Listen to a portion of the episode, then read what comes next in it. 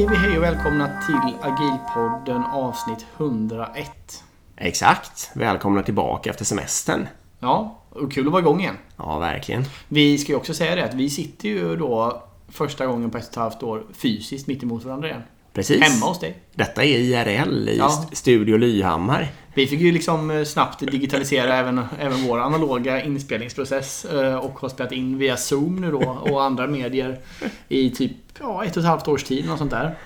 Eh, Men nu sitter vi ihop igen. Så nu har vi en fysisk mindmap framför oss. Precis. Och det är som, det, alltid som vanligt. Ja, ja, precis. Och det anekdotiskt roliga här är kanske att jag sprang runt och letade A3-papper och sånt och tyckte de var svåra att hitta och de var slut och allt vad det var. Eh, Jag var helt ovan vid det här. Har liksom analogt, vad händer? Men nu är det så. Jo, det vi ska ta och göra då. Vi ska tacka CRISP, vår samarbetspartner.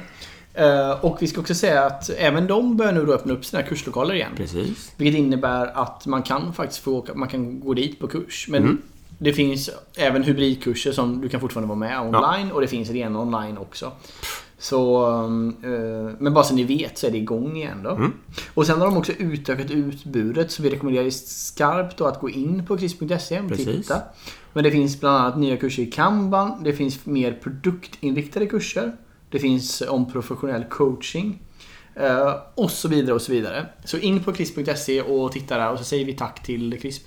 Verkligen jättetack för att ni gör den här podden möjlig. Krisp.se Eh, ja, dagens avsnitt handlar ju om den här boken då, Turn the Ship Around. Ja, du har sommarläst. Jag har sommarläst en bok av David Marquette. Eh, som lite är någon form av eh, referensverk i servant leadership-communityt. Liksom. Det är många som Man har hört om det många gånger, Exakt. absolut. Och nu har jag äntligen läst den och den var ju rätt bra då också, eller helt fantastisk. Ja, det var så pass? Ja, Okej. det måste man väl säga. Eh, så dagens avsnitt är ju då att jag ska dela några saker som jag har eh, snappat upp i den här boken och du får eh, tycka och kommentera och sånt där på det. Ja, och jag har inte alls läst boken ska sägas då, så jag har ingen aning. Nej, precis. Men du har säkert hört en del av de här grejerna. Ja. Ehm, nej, men han var alltså en framgångsrik um, ubåtskapten då.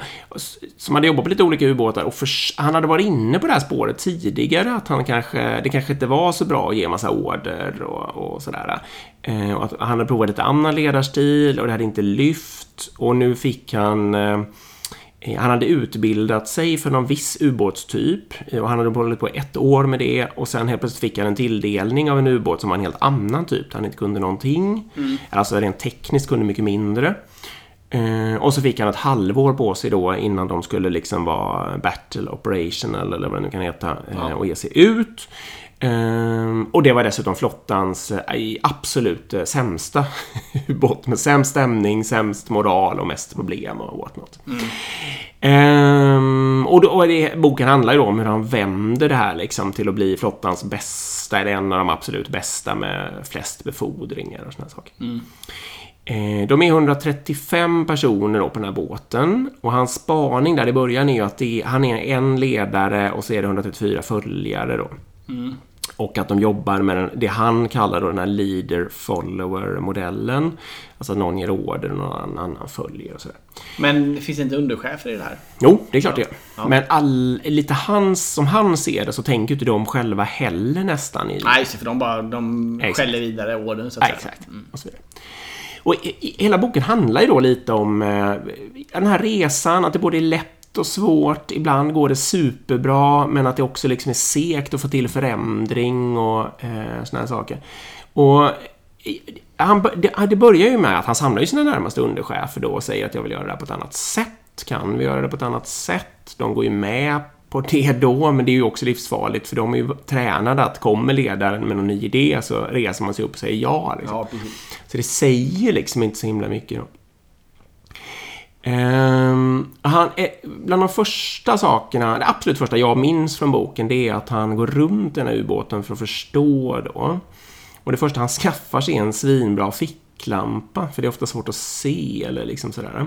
Så han blir på något vis känd, det blir hans eh, maskot, den där stackars ficklampan. Ja, okej, så han går runt och lyser med den på olika saker. Så här. Och bland det första också som han gör då är att han försöker ställa frågor. Och det han eh, pekar ut där är lite att människor är ju vana att få frågor då tydligen. Men då är de ju vana att någon går runt och kontrollerar. Mm. Det är inte nyfikna frågor. Exakt. Så det han säger då är ju att eh, en av de absolut kraftfullaste ledarskapsmetoderna för att komma igång, det är att ställa nyfikna frågor och på riktigt visa att, att jag vet inte det här, eh, men du kan lära mig, så att säga.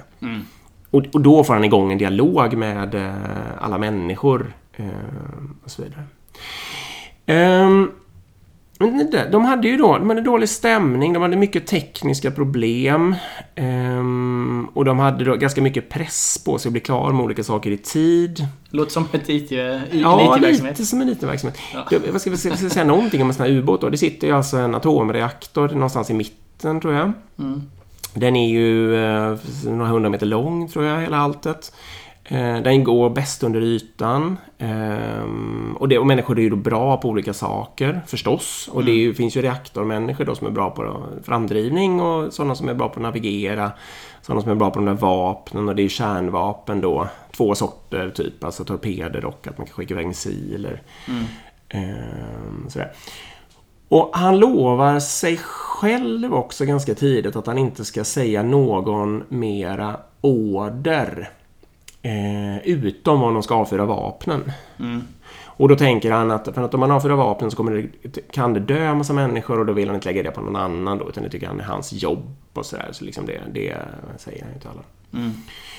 Eh, men samtidigt så har han ju då det här dilemmat att man kan inte heller kanske Och det har jag märkt från min servant leadership också. För att min, en sån här reflex som man ofta har, och det kan, jag vet inte om du har tänkt på det här också, men det är så här, ja men gör som du vill kanske jag säger. Eller eh, lös det, ni får fixa sånt där. Det leder inte heller till att människor, nej, skakar Erik på huvudet här. Det syns inte i podcast. Nej. Det leder inte liksom heller till att, att, det, att det händer något för människor eller att man lär dem att komma längre själva. Om man börjar med en väldigt sån hierarkisk organisation eh, så blir det ofta ganska dåligt. Och det var kanske det som var hans tidigare misslyckade försök också. Precis, jag tror det är ett vanligt missförstånd kring servant leadership Ja. eller agilt ledarskap eller vad vi nu väljer att kalla det. Ehm, att, nej men vadå, det, som chef ska man vara lite skön och säga ja till allt och distribuera alla beslut och Ja. allting. Det är inte alls det det handlar om. Ehm, men det är lättare, det, det är många, jag har fått en fördom emot mig många gånger att jaha men vadå? Ska alla chefer bara springa runt och vara sköna? Eh, och inte göra någonting ungefär. Det är inte det det handlar om. Alltså jag, jag tror ju på chefer som, eh, om vi återkopplar till det här att, att eh, gå runt och ställa nyfikna frågor också. Att om du som hög chef går ner i din organisation och ställer frågor och folk reagerar på det, då är du inte tillräckligt närvarande. Alltså det, det ska vara ett naturligt element att du är där som chef. Oberoende av om du är första eller andra chef. Oberoende om du är VD, det spelar ingen roll. Det ska inte vara konstigt att du är där. Och där har vi ett bra exempel också från när jag jobbade på IKEA. Ingvar Kamprad, han kom ju flera gånger om året. Nu jobbar jag på lagavdelning, vi körde truck liksom. Ja. Så vi var ju hierarkiskt absolut längst ner man kan vara i hierarkin. Men det var helt naturligt. Det var klart att det var ett event när han kom, men han kom flera gånger om året och det var en helt naturlig sak liksom. Och han frågade ju hundra frågor. Och det var ju inte då så här frågor som när är det här klart? Eller varför jobbar ni så här långsamt? Det var ingen sån dömande fråga utan det var ju mer frågor kring Har ni roligt på jobbet? Vad, vad kan vi göra bättre? Och så vidare. Alltså så här nyfikna, öppna frågor. Ehm, och det, det, det, ja, det tror jag verkligen man ska implementera som ledare. Och om ni inte är närvarande i era organisationer idag, då se, se till att det blir er första prioritet. Och blir det. Exakt. Ja. Jag ska säga också, han gör ju en, en väldigt tidig spaning i den här boken som jag gillar och som jag själv också ofta har gjort. Fast han sätter så himla tydlig, vad ska man säga, han sätter så bra ord på det. Och det är så här att den här leader-follower, vad är det egentligen bra för? Ja, men det är alltså bra om man har, om man vill ha en ledarskap följarmodell. Det är bra om man har fysiskt arbete som inte kräver någon som helst, eh, eller väldigt låg kompetens och med omotiverade människor. Och typexemplet som jag brukar säga som han också ställer upp är ro en galär. Då passar det jättebra. Man delar ut order, ro fortare, ro hårdare, man kanske går runt med en piska, man slår på en trumma och så vidare. Men idag, alltså det, det, kan hända att det, vi hade väl den sortens ekonomi och grejer liksom in på 1800-talet och kanske in på 1900-talet som delvis åtminstone var uppbyggd kring det. Men idag är ju nästan allt arbete som görs är ju liksom specialiserat och utförs av människor som kan massa saker. Ja, det är De är kunskapsbaserat bättre än sin chef på det de gör. Liksom. Ja, Absolut. Och, det, och då, fun- då är det meningslöst, eller då är, meningslöst, då är det dåligt att ha eh, leader och follower. Då måste, då, det han då kallar leader leader, att man ska lära alla människor att leda sig själva och de omkring och ta ett ledarskap över det de själva gör. Liksom. Det inträffar ju då.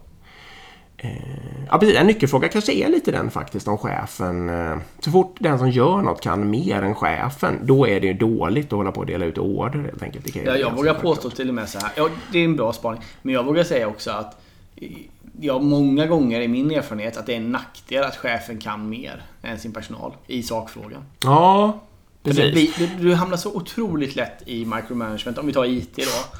Den bästa utvecklaren blir chef liksom. Okej, kommer det skapa autonoma team? Där folk vågar göra innovation, testa nya saker, testa nya teknologier och så vidare. Kanske inte. Kanske om chefen tycker att det är bra, men om chefen inte tycker Nej. det och är inne i detaljstyr och, och kollar pull requests hela tiden och, och kommenterar och grejer. Jag vet inte, det, det är inte alltid det blir bra. Utan många gånger så kan jag tycka att man behöver inte... Eller precis, det finns inte en sanning här. Åt något av hållen egentligen, så kan man säga. Vi ska dyka lite på ett område här. Ja. Eh, Jag vet ju att eh, du har eh, starka känslor kring statusrapporter. Ja. Vill du säga någonting om, säg någon känsla kring Jag hatar, status? jag hatar det av allt annat. Så jag. Och spaningen som jag har från den här boken då, det är att statusrapportens existensberättigande, den har ju uppstått ur tanken att man ska flytta information till mandatet. Ja, Man precis. tänker sig att det sitter någon människa som ska vara smartare än de andra människorna och den ska fatta viktiga beslut och därför behöver den ha ändå mer information och därför ber den om statusrapporter. Och varför jag tänkte så mycket på det här, det var så, så, Så att jag vet vad du tycker. Och en av hans teser är att man ska inte göra så, utan man ska flytta mandatet till informationen. Såklart. Ja, ja såklart. Och då behövs det ju heller troligtvis inga statusrapporter. Exakt. Eller, nej, exakt. För då du behöver liksom information behöver inte flytta uppåt så mycket i en hierarkisk organisation eller vad man ska säga. Nej. Utan nej, den flyter ju snarare neråt. Eh, eh, eller finns liksom och, och används där den, där den skapas och så vidare. Och så vidare. Precis, och om det nu skulle vara... Jag menar, det blir ju en sanning med modifikation för man kan ju inte flytta ner allt mandat heller ner på, lä- på lägsta linje liksom. Det, det, det funkar ju inte. För, Eller? Ja, men jag, jag, jag kan ändå tro på att man, man kan ha en bra VD. Det finns många Jaha. bolag Ja, det kan man ha. och som har budgetansvar och så vidare som Ja. kan behöva ta beslut om hur fast man, hur mycket man ska rekrytera eller hur mycket produkten ska kosta eller vad det nu kan vara. Stora beslut. Men det, det handlar ju aldrig om att skicka upp statusrapporten upp till mandatet. Det handlar ju snarare om att ta ner mandatet så att mandatet sitter delaktig och förstår i så fall. Ja. Är, liksom, är på plats och, och sätter sig in i och jobbar med de här människorna som, som har ansvar för att ta fram de här sakerna. Eh, Och det är därför jag, precis därför jag alltid hatat statusrapporter också. För det, för det är ju precis som du säger, det är ju för att flytta upp eh, information till Ja. mandatet. Men det går liksom inte, det går inte, i alla fall inte i en värld där man arbetar med IT-system och komplexa saker. Det går aldrig fånga det i text liksom. Så att det på något sätt kan ge hela kontexten för att Nej, fatta ett beslut. Utan det blir ju bara en, en, en tusendel Ja. av liksom kontexten. Och det är ju att fatta beslut bara på den kontexten utan vidare kunskap är ju bara vansinne. Ja, ja, ja, ja. Så därför, Absolut. Så lösning, alltså vill man lösa grundproblemet så vägra skriv statusrapport. Ja, Som jag gjort. Det är ett bra Ja, men- tips. Exakt. Ja, du har ju lyckats med det hela din karriär. Jag har aldrig skrivit det. Toyota har ju en princip, eh, gå och se med egna ögon och så vidare. Alltså chefer får inte sitta ja, och så vidare. Nej, det finns ju tusen eh, varianter på det. Det jag är på väg till är så här, att en av de första sakerna som han då, som började skapa den här förändringen, det var att de tittade på vad, eh, vad har vi problem med här? Ett av de största problemen de hade var eh, godkännande av eh, permission, heter det väl på svenska antagligen, alltså att vara ledig. Eh, och det var ju väldigt högt som det, de besluten skulle fattas. Och de människorna som fattade de besluten hade ju eh, in, visste ju inte behovet, så att säga. Alltså de, de kunde inte veta vem som behövde vara ledig av vilken anledning och de kunde heller inte veta vilka vaktscheman och alltihopa då som Alltså i detalj liksom hur det där vaktschemat skulle skapas, hur många människor som behövdes och hur mycket ledighet och vem som kan göra vad åt något. Nej, precis. Eh, så ett av de absolut första sakerna de gjorde var att skicka ner det beslutet då till en mycket lägre nivå och då skapade det givetvis en massa oro och det här kommer inte gå, det kommer beviljas alldeles för mycket ledighet och bara det där, det där. Liksom. Och det som, han, som utkristalliserar sig då i hans teori kring det här, det är lite att det är två... Man kan dela in sån här... Alltså problemet med att delegera kan man dela in i två huvudkategorier. Det ena är kunskap eller teknisk kunskap, kompetens. Eh, och det andra är om man känner till riktningen för hela organisationen. Det här stämmer väldigt mycket med så som jag själv tänker också. Att jag kan i princip delegera även gigantiska ekonomiska beslut och sånt där hela vägen ner till mina medarbetare. Givet att de begriper vart vi är på väg Eh, och att de har förstått hela, alltså hur mycket intäkter har vi, hur mycket kostnader har vi och hur påverkar de här ekonomiska besluten som jag skulle kunna fatta eh, helheten så att säga. Om jag då har anställt rätt människor då kommer de ju att fatta kloka beslut. Alltså även om de fick skriva på för hela firman så att säga. Kommer de inte, göra, kommer inte liksom sänka den eller... Nej, ja, det fattar jag. Eh, och han kallar ju det här då för competence och clarity och det är två liksom ledord som han jobbar väldigt mycket med då. Eh, just för att man ska kunna delegera beslut väldigt långt ner så måste man se till att människor eh, förstår och att de förstår riktningen. Vad är det liksom, vart är vi på väg och så vidare. Det är egentligen ingenting konstigt men, men eh, och väldigt liksom viktigt att peka ut det om man ska säga. Precis, men här har vi samma sak igen. Eh, otroligt vanligt, i alla fall det jag ser ut i organisationer. Det är typ semesterschema. Att det Ja. ska sitta någon chef med något Excel-ark och samla in liksom. Jag vägrar röra Ja, det. Det måste vara teamets ansvar att ta hand om det. Och om vi nu fastnar i en situation där vi säger att vi måste ha bemanning över hela sommaren och vi saknar två veckor. Det, då, då, då, får man ju, det, då är det enda du ska göra som chef det är att visualisera det för dina team och säga att Kolla nu har vi två veckor som inte är täckta. Det är mindre bra. Vi behöver ha, om, vi nu, om det nu är så fall, vi måste ha personal under hela. Hur kan vi råda om? Ja. Och så låt dem autonomt lösa det. Tvinga inte in Excel-sheets och sitta och, sitta och kontrollera det där. För du, du, du tror att du skapar värde, men du gör inte det. Du, du gör inte det, jag lovar dig. Nej, om man skapar något sånt här beteende liksom. För det här har vi i den organisationen som jag jobbar. Det blir, då, för då blir det lite så här först till kvarnartat eller ja men bra, då skriver jag snabbt in allt jag skulle vilja vara ledig och försöker markera mig tidigt här. Så Ja, att det är kanske, in, kanske de andra inte gör det och så vidare. Så tänker jag på mitt eget privatliv och så vidare. Och, så Ja. vidare. Eh, och sen sitter det ju då någon, det är ju någon som börjar jaga så här påminna, nu ska Ja. semesterlistorna vara Ja. godkända och så ska det tas till de datum olika hierarkiska. Nej, det här, det, nu är det avstånd. Det är ingen som tjatar på mig längre om det där i och för sig. Liksom, och det har väl avstannat lite. Ja. Men alltså för Men- fem men det eller tio år sedan, men det det var helt crazy. Ja. Det, det, det kommer varje år en sån där lista som jag måste döda. Det, så är det. Jag tycker att själva listan är ju en okej visualisering, så den kan man ju alltid använda. Ja, absolut. Men, men just det här du vet att ja, men nu ska vi skicka ut den här som chefer och den ska in och så vidare. Hinner jag med min gräsklippa-anekdot här också?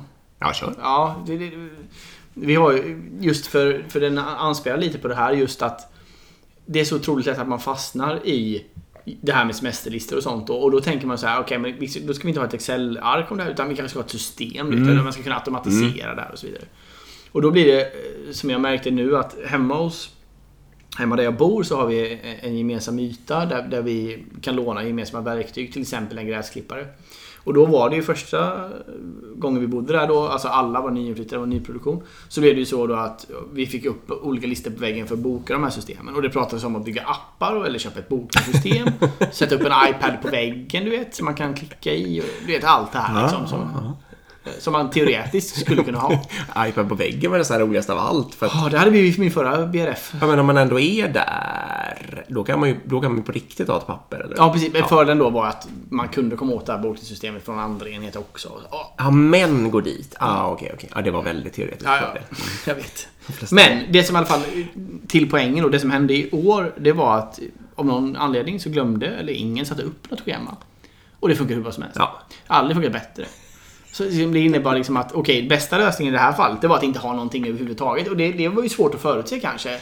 Men, Kanske. men det absolut, jo men det kan det vara. Ja. Men, men det absolut det Ja, viktigaste här är ju att man måste börja med den lättaste, Ja. absolut lättaste övningen som finns. Och sen får problemen uppkomma och när problemen uppkommer löser man dem. Det finns inget värre Nej. än chefer som sitter i ett rum och gissar på problem som ska uppkomma och sen försöker lösa problemen innan de finns.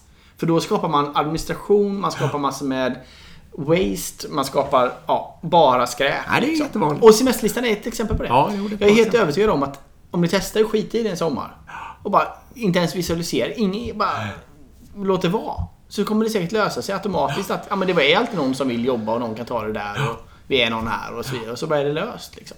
Så har man sparat in otaligt antal timmar och krångel. Ja, det är väldigt speciellt. Ja, nu ska jag sluta ranta om det. Nej, det är bra. Men det har något. Absolut. Eh, på, jag ska fortsätta lite på det här med order och sånt där. Ehm, för det var inte heller... Eh, man behöver kommunikation då, så att säga. Även om man inte ska ge order. Och då hittade han, eller möjligtvis de, på det här systemet man säger I intend to. Så då man, när någon tänker att nu ska jag agera här, då så säger den så här I intend to turn the ship 20 degrees north. Liksom, eller vad det nu är för något. Jag alla som är eventuellt är militärer och eller kaptener får ursäkta mig. Eh, och då så säger då stod, kanske, om han stod bredvid då så sa han very well. Eh, bara som att visa att eh, det låter som en bra idé så att säga. Eh, och han har också möjlighet att ställa kontrollfrågor då och så vidare. Så att säga. Men han godkänner inte direkt det hela, men man ser att man har honom med sig. Och det jobbar de väldigt mycket med. Då. En vidareutveckling av det var så här att de gjorde någon övning. De skulle simulera att de främre höjdrodren var helt ur funktion, tror jag. Eh, Det sitter liksom som, tänk dig som flygplansvingar som man kan köra ubåten upp och ner helt enkelt. Ja. Eh, De kör för full fart i ganska högt upp och så lägger de där av eh, och de bara låtsas stänga av dem. Och då får, fortsätter ubåten, då dyker den tydligen. Liksom. Det är det naturliga beteendet om inte de slutar funka. Och då var det någon då som skulle, då ska man balansera det här med de här tankarna istället. Så man ska göra den lätt och tung bak och fram på något smart sätt så att den levlar ut efter en bit. Då, liksom. Eh, och med motorstyrkan. Så man liksom inte ja, sjunker för djupt och har kontroll. Och, och då var det en eh, person då som var, körde ubåten och David själv satt och bet sig i tungan då. Han tyckte att han visste vad man skulle, nu måste du trycka på den här knappen, nu måste du göra det, nu måste du göra det. Och då var det någonting som höll på att bli för sent och den här personen var jättenervös och vågade inte be om hjälp och det hade helt enkelt låst sig. Den frågade ingenting. Eller Vanligt. vanligt. Och då tänkte han den här övningen kommer gå åt skogen men jag tänker hålla tyst i alla fall. Eh, men, och det som händer då är att en, eh, en ändå mer underlydande, den sträcker sig bara, den lägger bara handen på det här eh, reglaget som det är dags att dra i, men gör ingenting. Och då säger den här personen som, som leder hela rasket att eh, blås tankarna liksom, eller vad det nu var de skulle göra. Jag tror det var det de skulle göra. Och då gör de det, och så klarar de det i tid liksom och levlar ut då på den här eh, bra höjden. Och efter det så inser de det att det är också en ganska bra metod att en- en fortsättning på det här I intend to, det är att man hela tiden eh, visar fysiskt vad man har tänkt att göra för någonting fast inte gör det förrän någon annan eh, liksom, som ska bestämma eller som koordinerar det hela faktiskt säger att den gör det. Och så jobbar de vidare med det så de får ett, liksom, ett väldigt fys... Eh, vad ska man säga? Väldigt visuellt. Eh, både det talade språket är väldigt tydligt och målat och även då att de använder gester och liksom saker i rummet och sånt där. Mm. De har ju också, när de, att, för det finns liksom, egentligen finns det olika sådana här sätt som man ska uttrycka sig på. Då. Att olika, alltså det heter olika saker och så ska man säga på ett exakt sätt. Och så märkte de att det där är ganska dåligt för människor för att de ska förstå. Och då släppte de bara det och sa att nej, men man får uttrycka sig på vanlig engelska då liksom. Så att så det ska bli så tydligt som möjligt och inte liksom så korrekt som möjligt. Ja. Och det kom de ju långt. Alltså Där- det hjälpte ju också till. Där kommer vi in på akronymer inom IT-världen till exempel. Ja. Ja, jag försöker ju. Herregud vad jag sliter med det. Ja, och då bara kort vad akronym. Akronym är ju förkortning Mm. och många gånger företagsspecifikt. Alltså man, man säger typ eh, eh, FFs och så står det för Fleet, Fleet System. Alltså något sånt där liksom. Och Mm. det är något internt system som någon har byggt någon gång i tiden då liksom. Och sen så blir det liksom en grej. Och sen så blir ett företag så har man helt plötsligt 200 eller man har 400 eller man har 500 sådana här akronymer i företaget. Eh, och det gör att onboardingprocessen blir sjukt svår. Ehm, det blir alltså helt omöjligt för nya folk att lära sig och det blir någon elitism i att den som kan mest av de här Exakt. vinner och så vidare.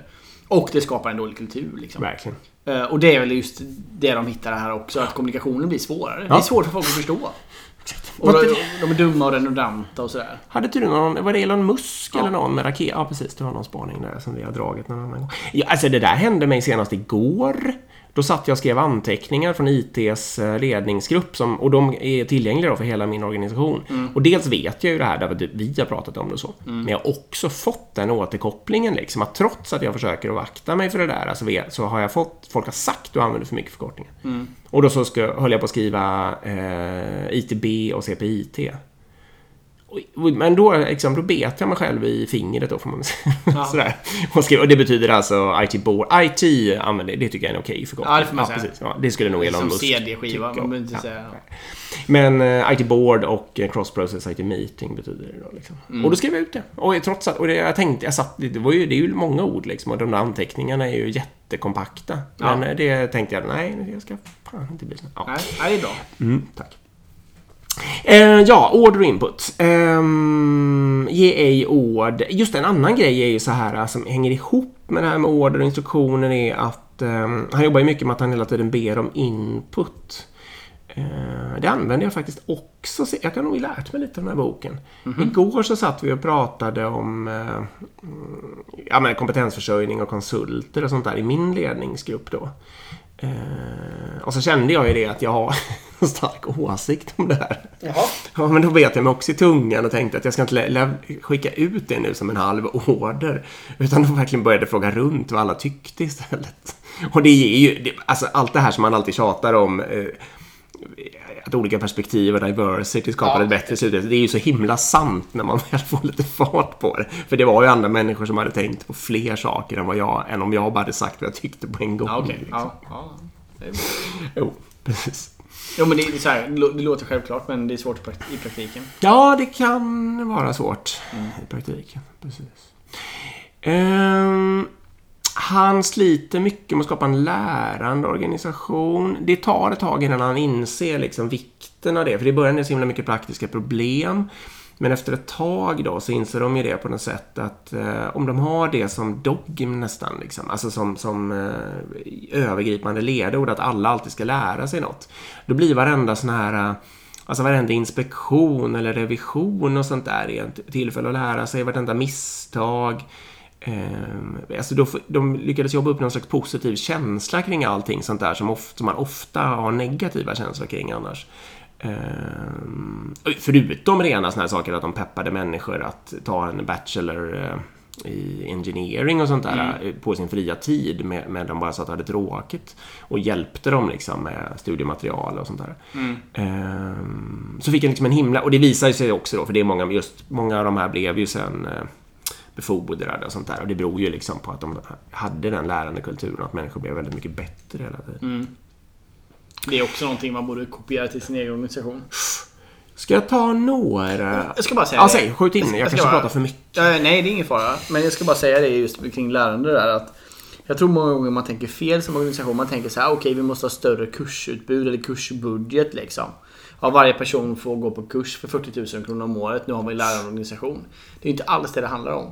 Det handlar ju om snarare om att införa så mycket hackweeks som möjligt eller hackdays. Att tillåta och skapa kulturen av att nu vill jag kolla på YouTube i tre timmar Ja. med arbetstid och låta någon göra Exakt. det. Och också att man inte behöver tabba undan när en chef kommer eller någon annan medarbetare kommer för att man sitter och kollar på YouTube. Ehm, Jag kollar själv på YouTube över en timme idag. Det är ju, det är ju såklart jobb, jobbgrej man kollar på. Man kollar inte på någon, någon bloggare som, som reser. Men, men det är ju för att lära mig nya saker och, och utöka liksom min kunskap. Och få in det elementet tror jag är otroligt viktigt. Verkligen. Nu när du ändå pratar om YouTube så passar jag på att nämna det då att han har ju också gjort roliga YouTube-klipp, David Marquette. Eh, Så googla, eller eh, sök på det på YouTube och då är det är rolig grafik och det finns eh, alltså så här 10 minuter långt och så. Så om ni inte orkar läsa boken men vill få en väldigt grundläggande känsla för det här. Förutom att lyssna på det här avsnittet så kan det vara en bra idé. Ja, smart. Det är alltså mer effektivt än att lyssna på det här tim- timmes långa Exakt. babblet. Jo, vi, ta- vi tar någon av de här. Jag ska, jag ska ta en, någon av de här anekdoterna. Ja. Ehm, vi kan ta till exempel, ska man lyda order? Tycker du man ska lyda order jämt? Absolut inte. Nej, det är ju rätt svar då. Eh, då ska de hämta upp, det är, det är övning, men det är ändå ganska skarpt. De är ute någonstans i, är det Afrikas kust eller något. De ska hämta upp ett sånt där SEAL-team som ska komma i ribbåtar som har gjort något uppdrag liksom. Och så simulerar man ju då att det kan komma fiende, alltså flygvapen och sånt där. Mm. Och så ska de då så nära som möjligt komma upp, hämta dem där och ner igen på kortast möjliga tid. Mm. Och så han, eh, allting går bra, han sitter och övervakar i det här kontrollrummet, det rasslar på och så helt plötsligt då så ser han så här att eh, vi är på väg åt, eh, det här, vi, kom- vi är på väg att köra upp över för grunt vatten, vänd liksom. Och då säger han det, stanna eller bromsa, liksom vänd eller något sånt där. kör åt andra hållet. Eh, och då den här närmast underlydande då, eh, som sitter där liksom och har kontrollen, tittar på den. Det är liksom en sån här fryst en och en halv sekund eller någonting. Det är väldigt tidskritiskt här också. Eh, och, och sen kommer det då, No sir, you're wrong. Eh, och då får man tänka på att det här är ju alltså en, det är inte en svensk myskontext. Utan det här är ju en amerikansk militär. Och de har ju extre, i skarpa lägen då så är de extremt att man ska lyda order. Det ska fortsätta.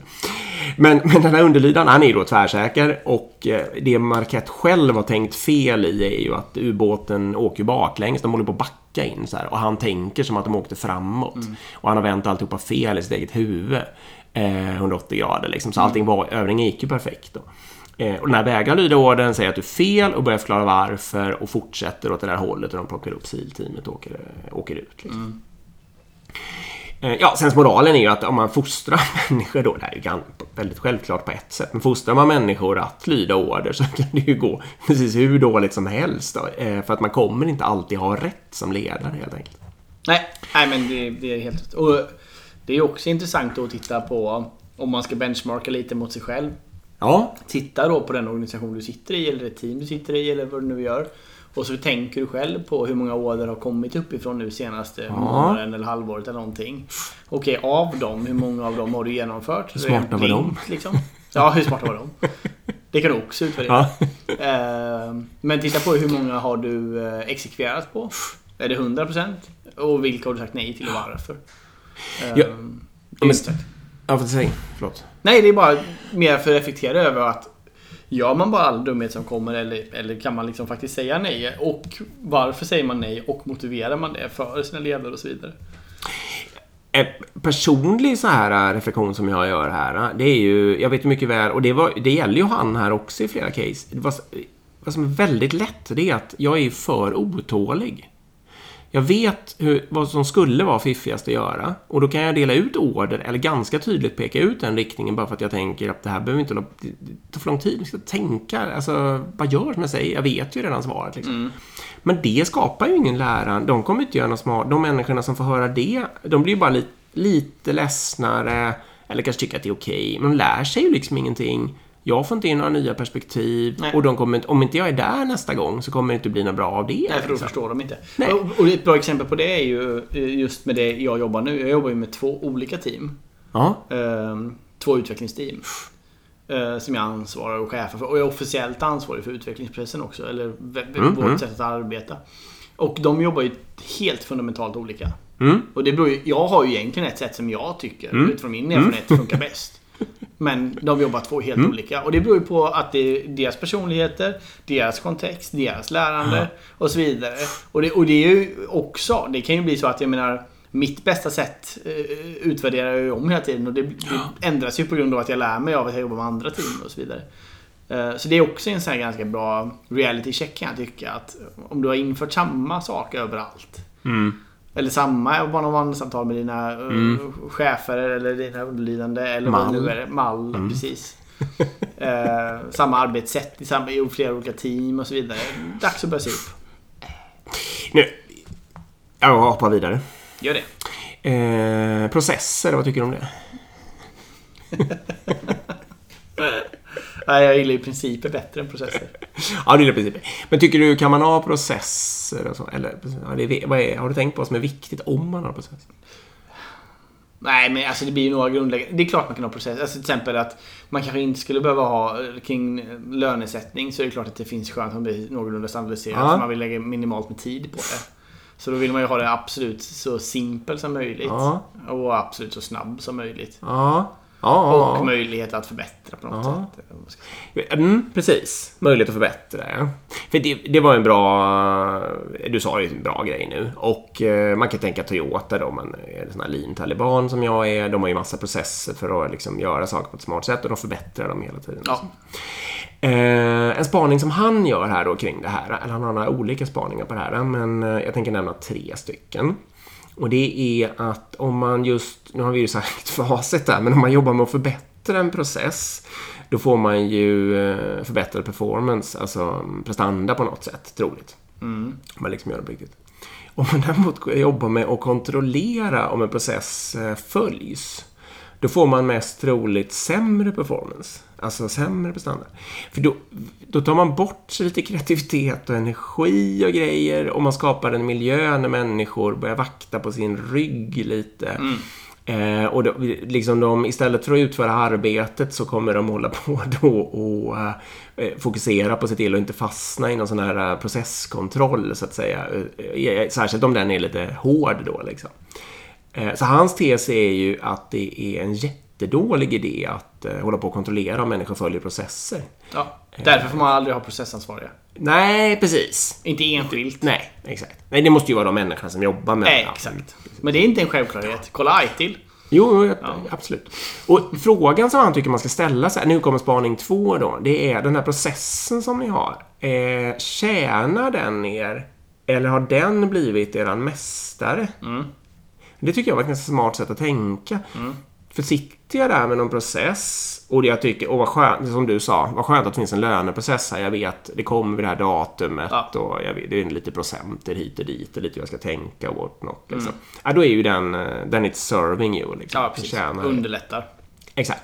Men om det däremot är som du säger, någon ITIL-process och jag har lite ångest över hur jag ska kunna uppfylla de här olika stegen och ja, whatnot. Ja, och det liksom. sitter någon hård person där som ska klicka i olika saker. Och, ja.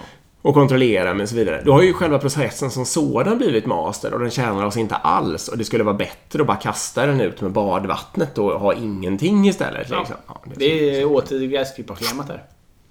Precis. Sen har han, här kan vi också ha en anekdot. De hade brandövning. Mm. Eh, och sen så ropar han då i högtalaren. Det brinner liksom i sektor si och så. Och då ska man ju då... eh, På en ubåt är det ju jättedåligt med brand. För det är små utrymmen, lite syre och så Så allting går ut på att man ska mm, släcka inom två minuter då. För då klarar man sig oftast liksom. eh, har- någon tänkt ut.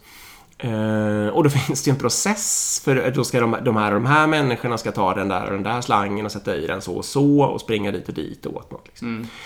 Eh, och, och så kollade de vad som hände då. Jag kommer inte ihåg om de, jag tror de inte hann på två minuter. Men framförallt så satt ju då ett helt gäng och käkade eller något sånt där i rummet bredvid. Som bara satt kvar. Eh, och inte gjorde någonting. Och så frågade han ju då efteråt, jaha, varför gjorde ni inte? Ja, men det är inte vi, utan det är de här som har den här befattningen eller som har den vakten eller vad det var då som ska göra det här. Ja, varför då? Ja, för vi hade lika gärna kunnat ligga och sova. Ja, men ni låg ju inte och sov. Nej, men nu processen är gjord så.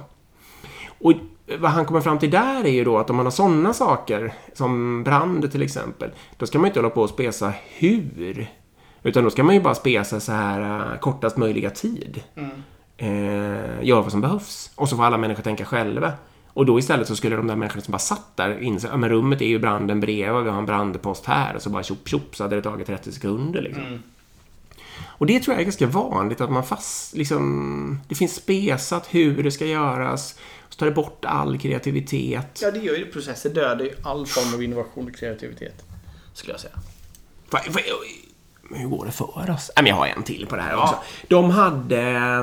eh, Det här med att gå in och ta supplies är ju en stor fråga då liksom. Så hade de missat ett sånt eh, supply. Eh, ofta spelar det ingen roll, men i det här fallet så var det något som läckte hydraulolja.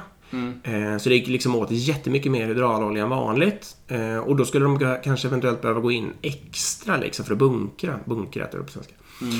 Eh, och det där gruvade han sig lite för då. Men då visste alla människor på båten om det här. Och då så var det en ny eh, rekyt, men som ändå liksom hade så här förstått hur, hur man gör på den här båten.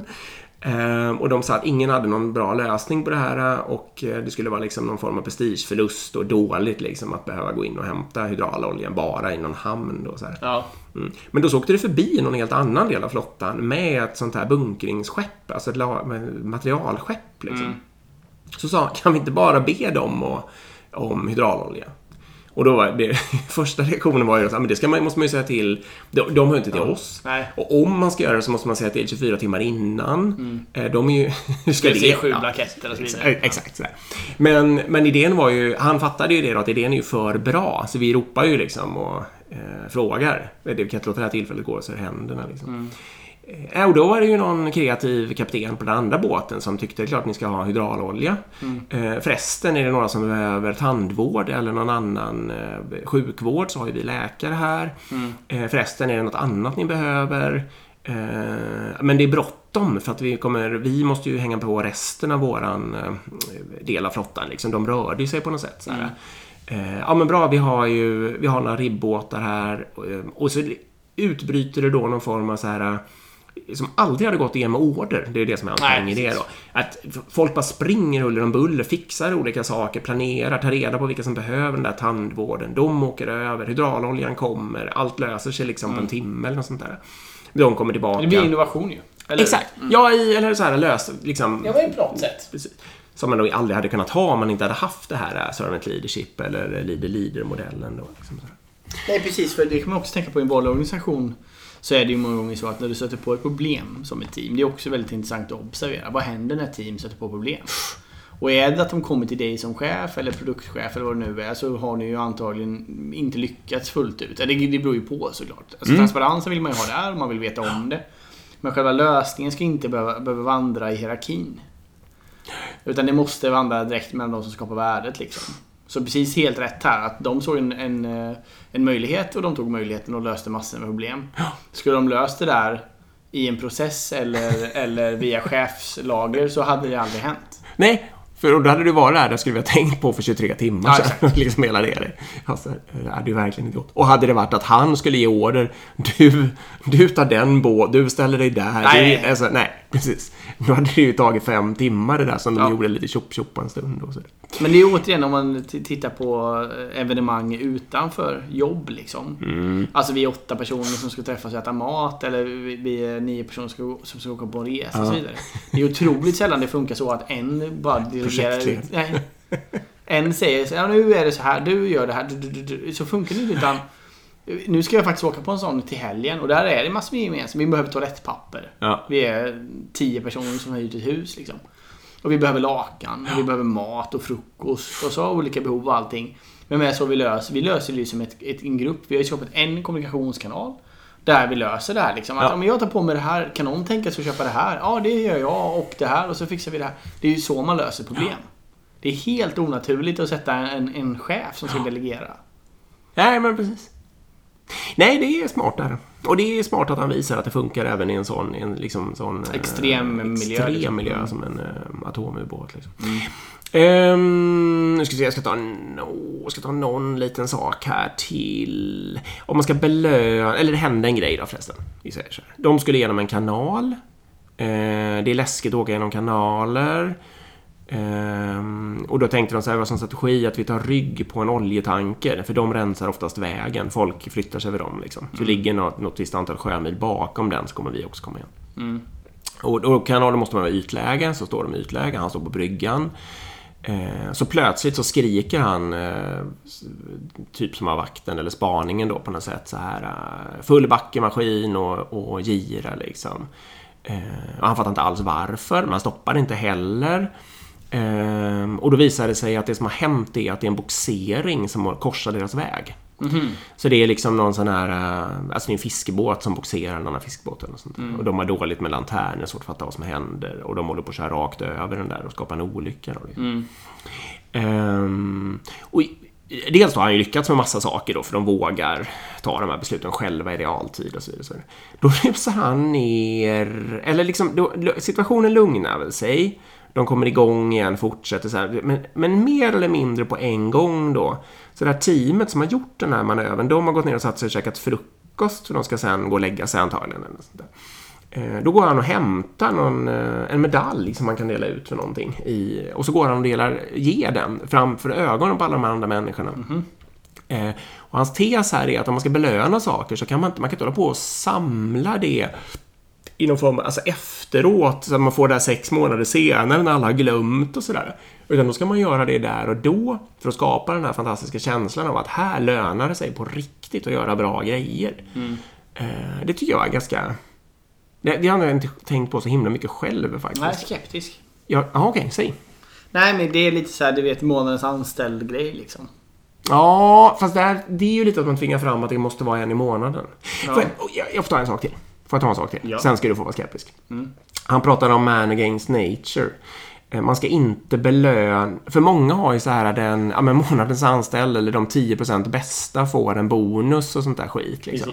Hans tes är att man ska inte jobba så, man ska jobba mot fysiska eh, saker. Alla som klarar det här under två minuter eh, får bonus. Eller alla som olika saker. Liksom. Eller den, ja. För då får man inte den här tävlings... eh, Vad ska man säga? Då, är det på rikt, Det blir mera på riktigt och det är mera för att uppfylla alltså, saker som är verkligt viktiga. Och inte att man hela tiden bara ska hålla på och vara minst... Alltså liksom... Vet du, vad ska man säga? Slå de andra och sånt där. Eh, nu får du...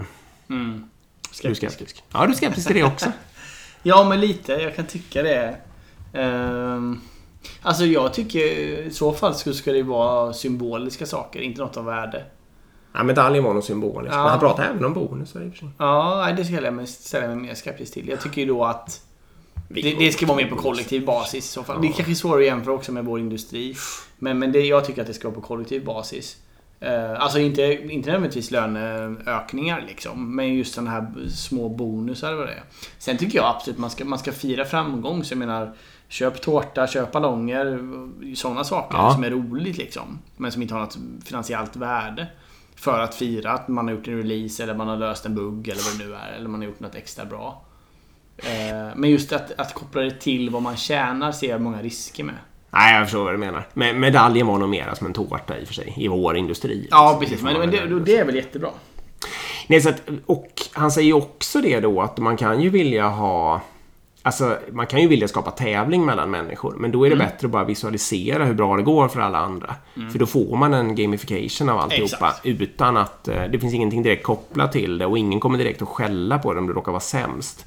Men man kan ändå kolla själv och vakta och förstå, ah, hur lyckas de göra det där på Mm. liksom, under 10 meter eller på 7 minuter och sånt där. Ja, det ska vi också försöka. Och så. Mm. Ja, kanske var en självklarhet. Nej, men det... Eh, tror du att det är bra eller dåligt om det är mycket eh, bass, alltså mummel i kontrollrummet? Det är antagligen bra. Att det är mycket mummel? Ja, exakt. För det var en av de såna här sakerna som man kollar på. Om det är helt knäpptyst i kontrollrummet, det är dåligt. Då ser ingen vet vad de ska göra. Nej, men- Ingen vågar säga något. Och ingen liksom förbättrar sig eller lär sig någonting. Utan alla bara sitter och är oroliga. Och för troligtvis sitter en då kanske med Svarte Petter och är tvungen att ta något beslut. Och han får ingen hjälp överhuvudtaget. Nej, och det är samma, precis samma sak mot stand-up. Ja, Eller ledningsgruppsmöte, eller vad det nu är. Är det tyst så är det ofta, då är det ofta ett icke-funktionellt team. Ehm, De råkade ut för att det var en... eh, De råkade ut för en som deserterade faktiskt. Ja, Sled Dog hette han. jaha. Jag vet inte. Jag tror han hette så faktiskt.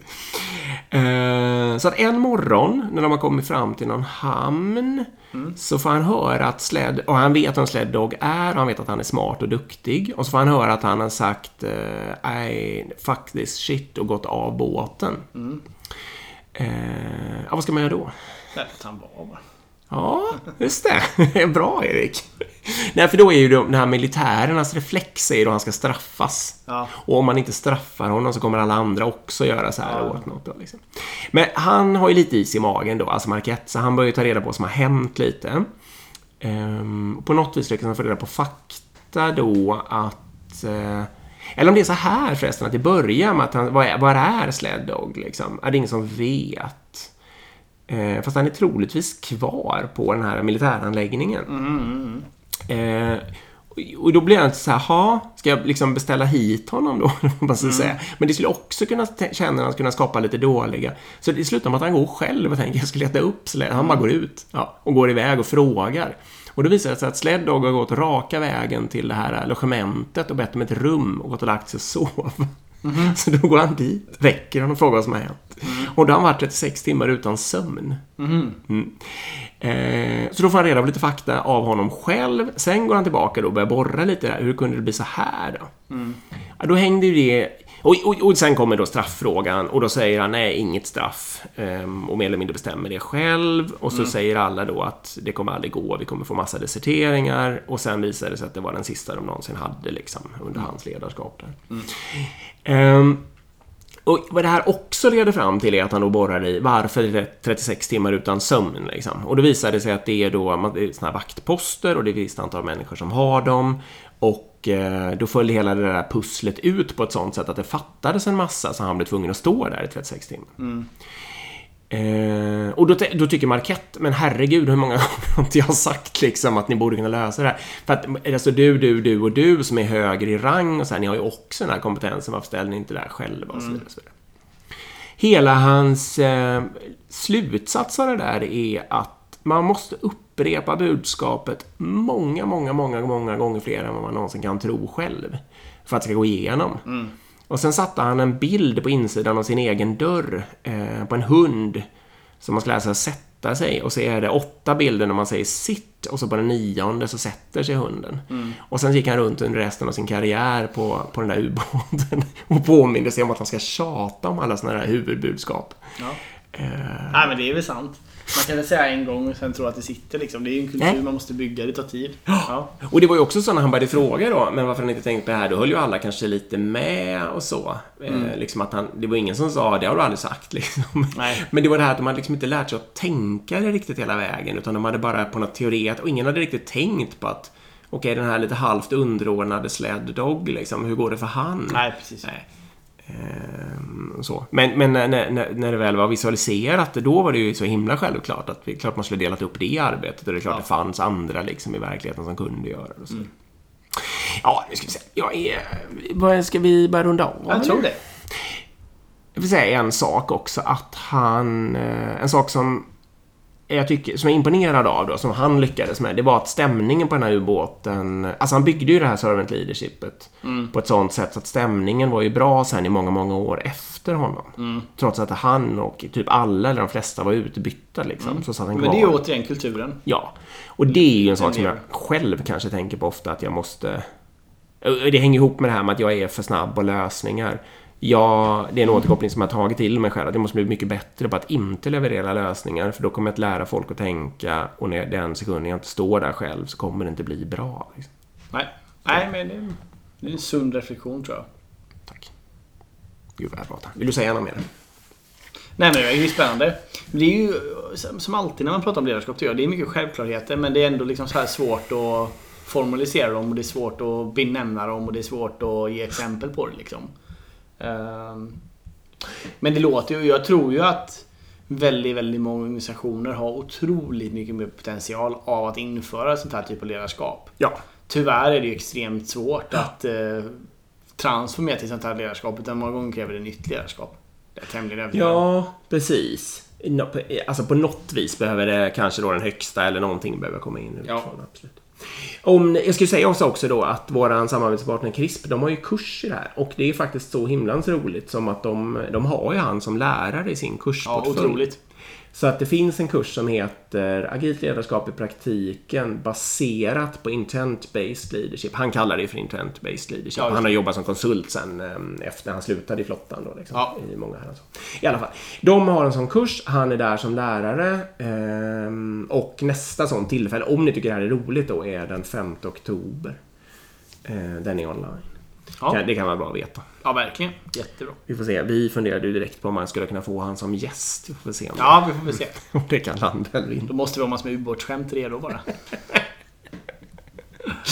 det löser vi. Klart vi Okej, ja, men då ska vi så här. Då tackar vi Chris. Ja, tack CRISP. Och sen så säger vi också att vill ni eh, oss någonting så är det som vanligt agilpodden.gmail.com Eller följ oss på agilpodden på Instagram. Exakt. Tack till alla som lyssnar. Ja, tusen tack. Kul att vara igång igen. Ja, Ha det bra. yes. Hej.